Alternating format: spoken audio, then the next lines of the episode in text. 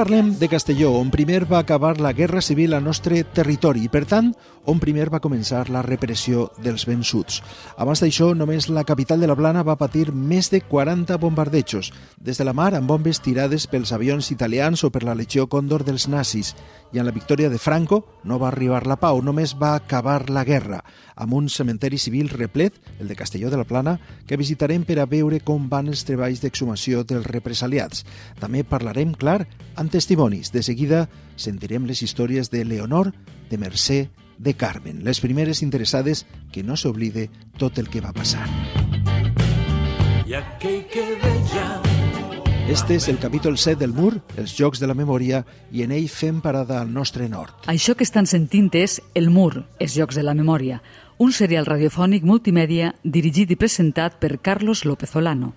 Fem periodisme en format podcast, però també molt més. Si accedixen pel web, diversos recursos construïssin un relat multimèdia. La sèrie és una coproducció de Punt Mèdia i de Plaza Ràdio. Capítol sèptim. La repressió a Castelló. Fosses i bombardejos.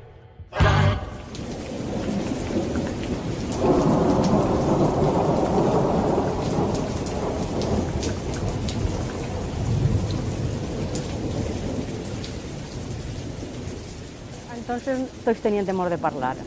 Entonces eh, les abueles i ma mare i tots era un tema tabú. I han contat molt poquet. Jo de lo poquet que sé i, i en, per mitjans de, de Juan Luis, que m'ha estat explicant més cosetes, pues, puc saber algo, però molt poques coses sabem, molt poques coses. Sabem que el van portar a la presó de Castelló, que baixaven a veure'l de vez en quan, però que d'aixes maneres que no podien veure, i hasta que un dia es van dir, mira, no torneu més perquè ja no, ja no està. I va ser un palo pues, pues, molt gran, molt gran.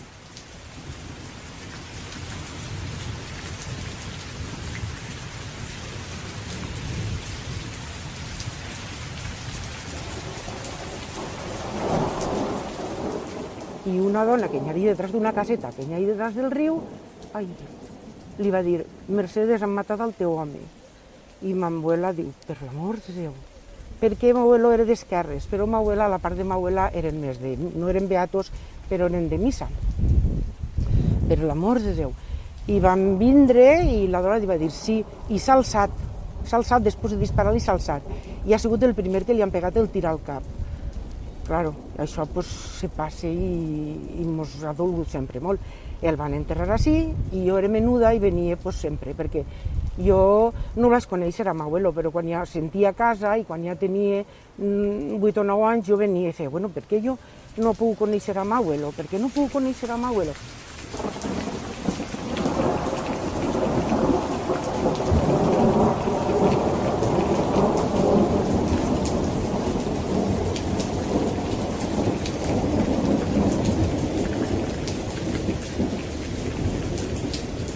Entonces una dona del veïnat li va dir eh, a ton pare se l'acaben d'emportar ara. Diu, i anaven tots en el camió xillant Viva la República. Ma mare al, al, al veure això, pues, era joveneta, només tenia 13 anys, acaba la, la guerra. Eh, vas començar a córrer en tal de vindre així, que ja es fusilaven, allà a la vora del riu, és on es fusilaven. Entonces va ser ella, va plegar ella al mateix temps el, només els havien baixat del camió i els havien posat cada a la paret i ja estaven en càrrega per disparar-los. Entonces ella encara va plegar a l'hora en què anaven a fusillar a son pare.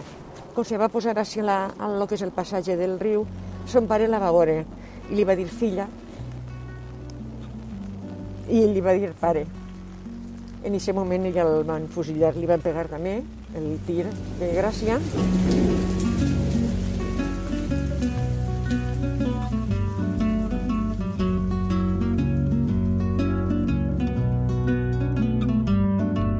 Leonor, Mercè i Carmen. Testimonis de la justícia dels vencedors. De seguida aprofundirem en les seues històries, però ara anem una miqueta més arrere en la història de Castelló.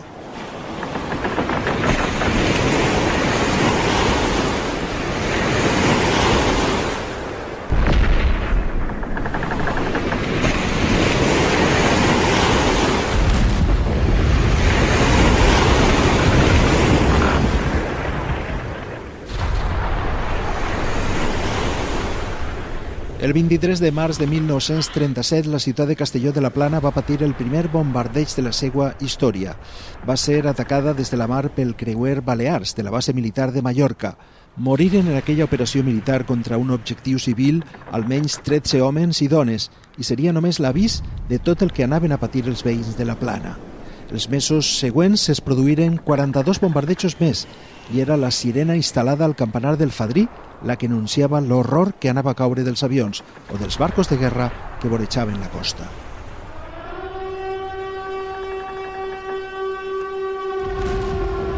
Quan sonava una volta, l'atac era per l'aire. Si ho feia cinc, era per mar. 300 refugis privats i 43 públics es construïren en temps rècord a la ciutat i les bombes arribaven tant del mar com la primera com des de l'aire, tant tirades per l'aviació italiana com pels alemanys de la Luftwaffe.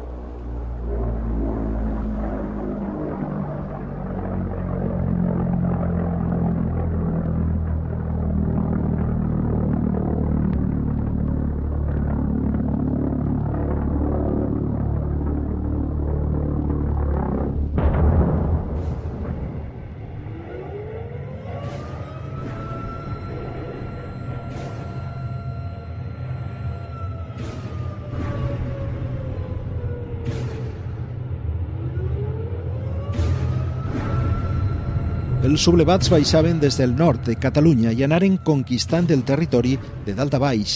L'ordre del president de la República, Juan Negrín, és clara. Resistir és vèncer. Una sola orden en cada conciencia. Resistir. El soldado en el frente. El obrero en el taller. La mujer en el hogar el niño en la escuela, han de resistir. Però en la primavera del 38 cauen Castelló de la Plana i Vilareal i la República ja ha perdut la guerra en aquestes terres. En parla Juan Luis Porcar, del grup per la recerca de la memòria històrica de Castelló. Bé, el que, el que diferencia la repressió franquista a les comarques de Castelló respecte al País Valencià és que que en les comarques de Castelló les tropes franquistes van començar a entrar a conquerir el territori a partir de març del 38 per la part nord de la província. Aleshores, ja en març i abril ja n'hi ha detencions i n'hi ha comença tota la estructura judicial dels Consells de Guerra Sumaríssims que en, que en localitats com, com Morella, com Vinaròs. Aleshores, en dos o tres mesos que arriben a la ciutat de Castelló en juny del 38 i pràcticament tres quartes parts de la província que en l'any 38 que estan sota domini de, del exèrcit franquista. Aleshores, la repressió comença pràcticament un any antes i com a característica peculiar ha que dir que molta gent que estava implicada a nivell polític en fets, que en fets que van ocórrer durant la guerra van tindre l'oportunitat d'evacuar, de, de fugir cap a la zona del País Valencià que estava encara en mans del govern republicà. Arribaven els que festejaven la victòria i començava també a Castelló la repressió franquista, la de les condemnes per adhesió a la rebel·lió, la de la justícia militar, la de la pau dels vencedors. I Franco, en persona, va dir... Nada tiene que temer de la justicia aquel que no tenga las manos manchadas de sangre. Ho va dir en un comunicat de guerra el que era ja el caudillo de España por la gracia de Dios, solo responsable ante Dios y ante la historia.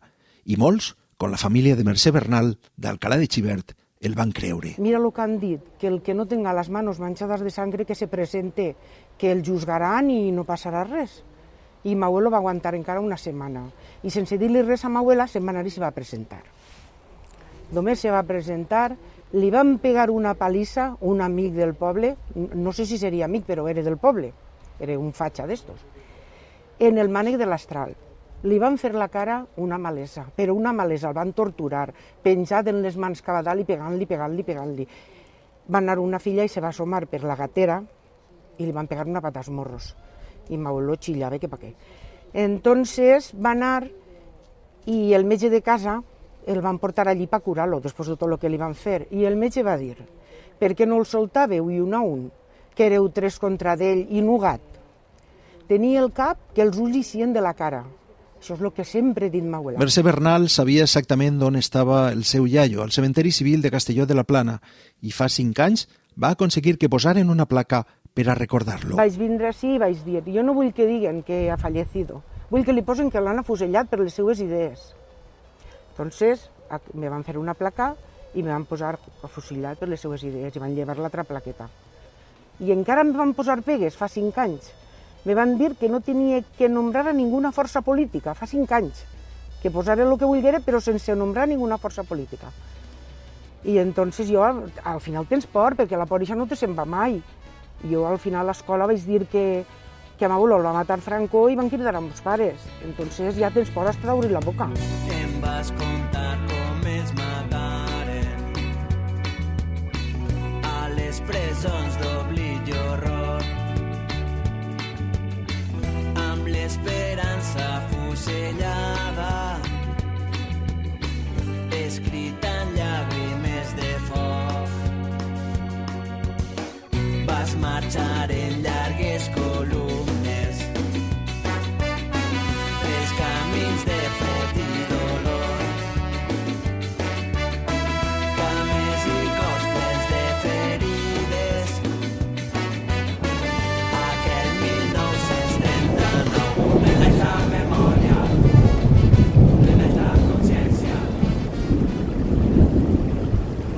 Plou i molt al cementeri vell de Castelló de la Plana, tant que avui els tècnics d'Arqueoantro no treballen en la fossa, que s'ha convertit en una bassa impracticable. Això sí, la faena no para. Sheila Sancho està fent les fitxes que corresponen a cada troballa i que deixen constància de fins i tot el més mínim detall arqueològic. Així el que fem és eh, eh, posar les dades general d'orientació del cos, del el medi de descomposició, si ha sigut en buit o en, o en colmatat, normalment així és colmatat perquè els enterren en rases, els col·loquen un al costat de l'altre, eh, eh, alternant cap peus, cap peus, i normalment no porten caixa. Entonces se produeix una descomposició del cos en un, un medi colmatat perquè la terra està sobre el cos directament. Sí que és de veres que en alguns casos van en caixa, perquè eh, les famílies que sí que s'enteraven que els havien afusellat i dia i podien pagar, eh, pagaven la caixa i els posaven dins la caixa i els col·locaven eh, igual que a la resta, però, però en la caixa. La caixa no es conserva, però sí que tenim els claus, eh, restes de fusta també, i la posició de l'esquelet eh, és molt diferent si, el, si la descomposició s'ha produït en buit. Això ho puguem documentar tot i, i anem comprovant també que la relació del registre cementerial que tinguem eh, està ben feta. D'esta excavació trauran 42 cossos de la fila 5 i 8 del cementeri civil de Castelló de la Plana i ha sigut finançada per la Diputació i l'Ajuntament de Castelló. Quan acabe, comença la següent, que paga la Generalitat a través de la Conselleria de Qualitat Democràtica.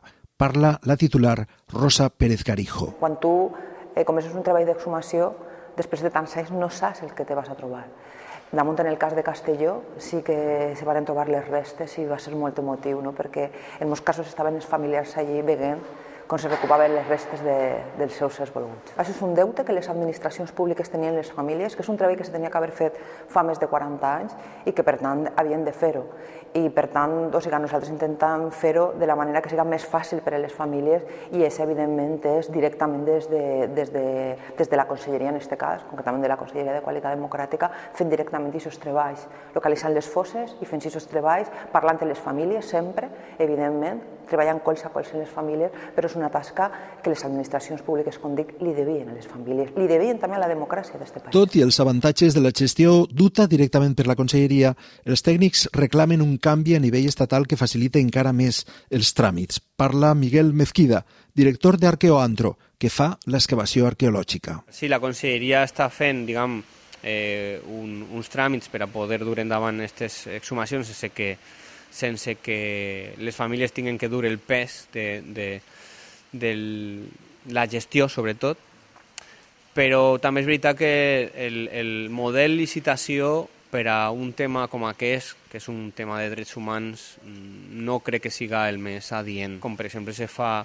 en Aranzadi, en el País Basc i, i Navarra, que és un model que ara també des de, a nivell d'estat espanyol se, pot, se vol no? implantar, eh, Paco Echevarria ja ho va dir en unes entrevistes recents, a nivell estatal. A veure, nosaltres hem, marcat un repte molt gran, però jo crec que cal marcar-se reptes molt grans, que és exhumar totes les fosses que n'hi ha al nostre territori i per tant nosaltres ara estem treballant i esperem tindre al llarg d'aquest mes de desembre eh, un mapa de fosses ja definitiu, encara que ja sabem que sempre eh, poden eixir més fosses, malauradament això és així, però sí tindre un mapa prou complet de les fosses i per tant anar treballant en un pla d'exhumació de fosses això, evidentment, ho anem a fer des de la Conselleria, però també col·laborant amb altres administracions, com ha sigut el cas de la Diputació de Castelló, l'Ajuntament de Castelló, la Diputació de València, que concretament va començar la legislatura eh, darrera, quan estava jo al front de la responsabilitat de memòria històrica, però fer un, un eixe pla d'una manera coordinada per exhumar totes les fosses i, evidentment, tindre centralitzades també eh, el que són les restes de les proves d'ADN, perquè és de veres que en molts casos no s'estan podent identificar perquè bueno, pues les mostres estan en l'estat que estan i, i en això també volem fer una tasca d'investigació per a que puguem anar a més identificacions i per això cal centralitzat. No? En la línia de lo que va fer Catalunya ja fa alguns anys, jo crec que han fet un treball important i en aquesta línia volem treballar nosaltres també. Parlem ara de xifres i dades. Castelló de la Plana va patir més de 40 bombardejos fins que va caure el 14 de juny del 38. Poc després, el front es deté a tan sols 40 quilòmetres de València, gràcies a la línia XYZ, de la qual ja hem parlat en una altra entrega d'este programa. En el cementeri de Castelló se soterraren 970 afusellats durant la pau de Franco, vora la meitat, 440 d'ells, en el cementeri civil. Els tècnics continuen treballant per a recuperar els seus cossos i mentre ho fan, ens conta Ima Herranz d'Arqueoantro. Se clasifica todo eh, por región anatómica, ¿no? Por ejemplo, todo lo que tenga, eh, todo lo que sea tórax, todo lo que sea coxales, todo lo que sea piernas, eh, brazos, cráneo.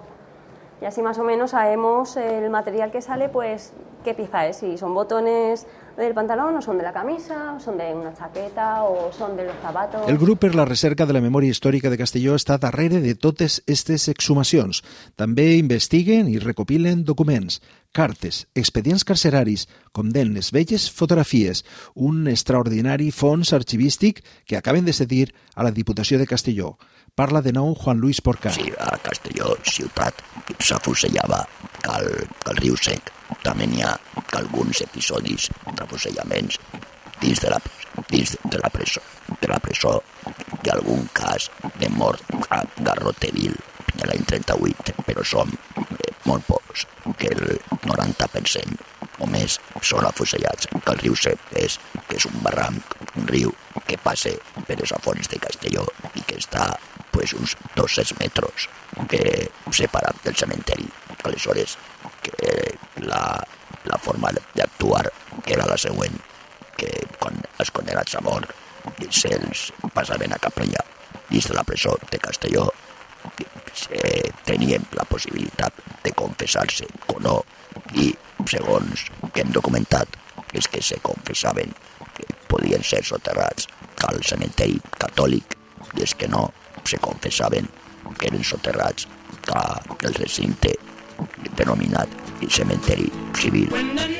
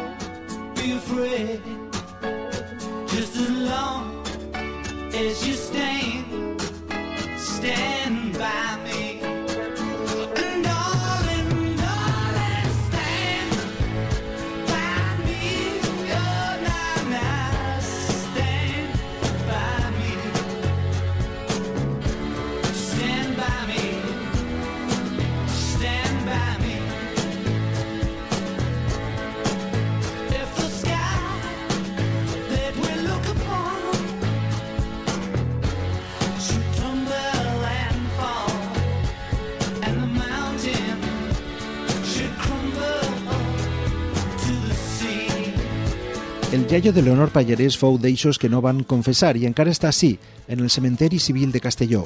Parlem amb Leonor a peu de fossa. Sí, sí, sí, nosaltres veníem tots els anys així, el dia de Toixans, a, tots els anys han vingut i sempre li han fet el, el que teníem que fer-li. No ens importava que estiguera així ni que estiguera on estiguera, haguérem, haguérem anat. Nosaltres sí. I ara la pena que tenim és que no, que no puguem comprovar al 100% que és ella, però és el que n'hi ha, estar tants anys, 80 anys, baix terra, en la corrent ixa d'Auia, que, que, que pues no sabem si serà l'EDN o no serà, i ja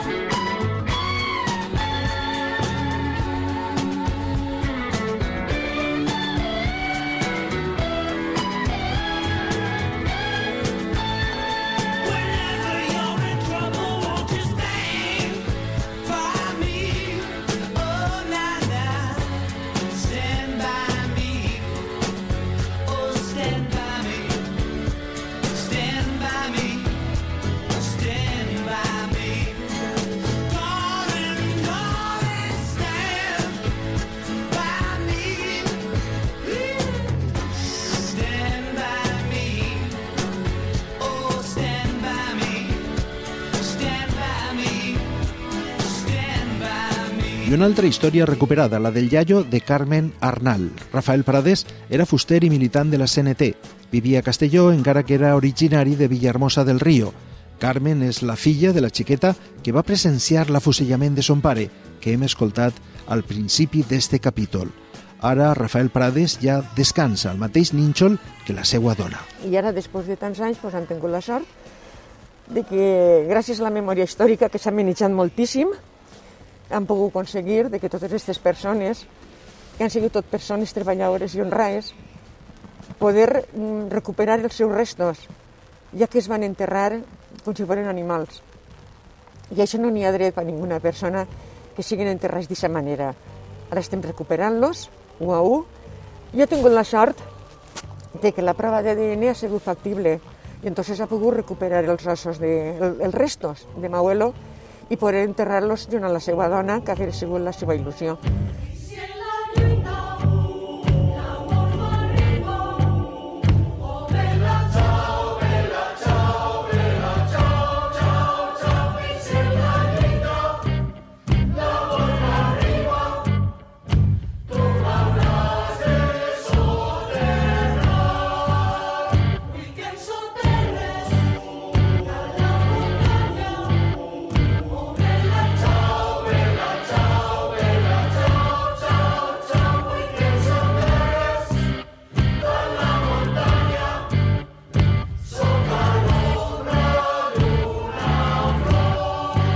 Acaben d'escoltar el capítol 7 de El Mur, els Jocs de la Memòria, el dedicat a la repressió a Castelló. És un podcast multimèdia dirigit i presentat per Carlos López Olano, amb accés per les zones de ràdio i també amb una versió enriquida amb diversos recursos per web i xarxes. En els reportatges han treballat Eduard Torres en la redacció, en l'edició, la realització sonora i la locució, Miguel Coll, en el disseny visual, Sergio Formoso, i en la locució, Lola Bañón. En breu, el capítol 8 que es La Vall del Vinalopó, el darrer paisatge de la República. Este programa és una coproducció entre A. Media i Plaza Radio. Es.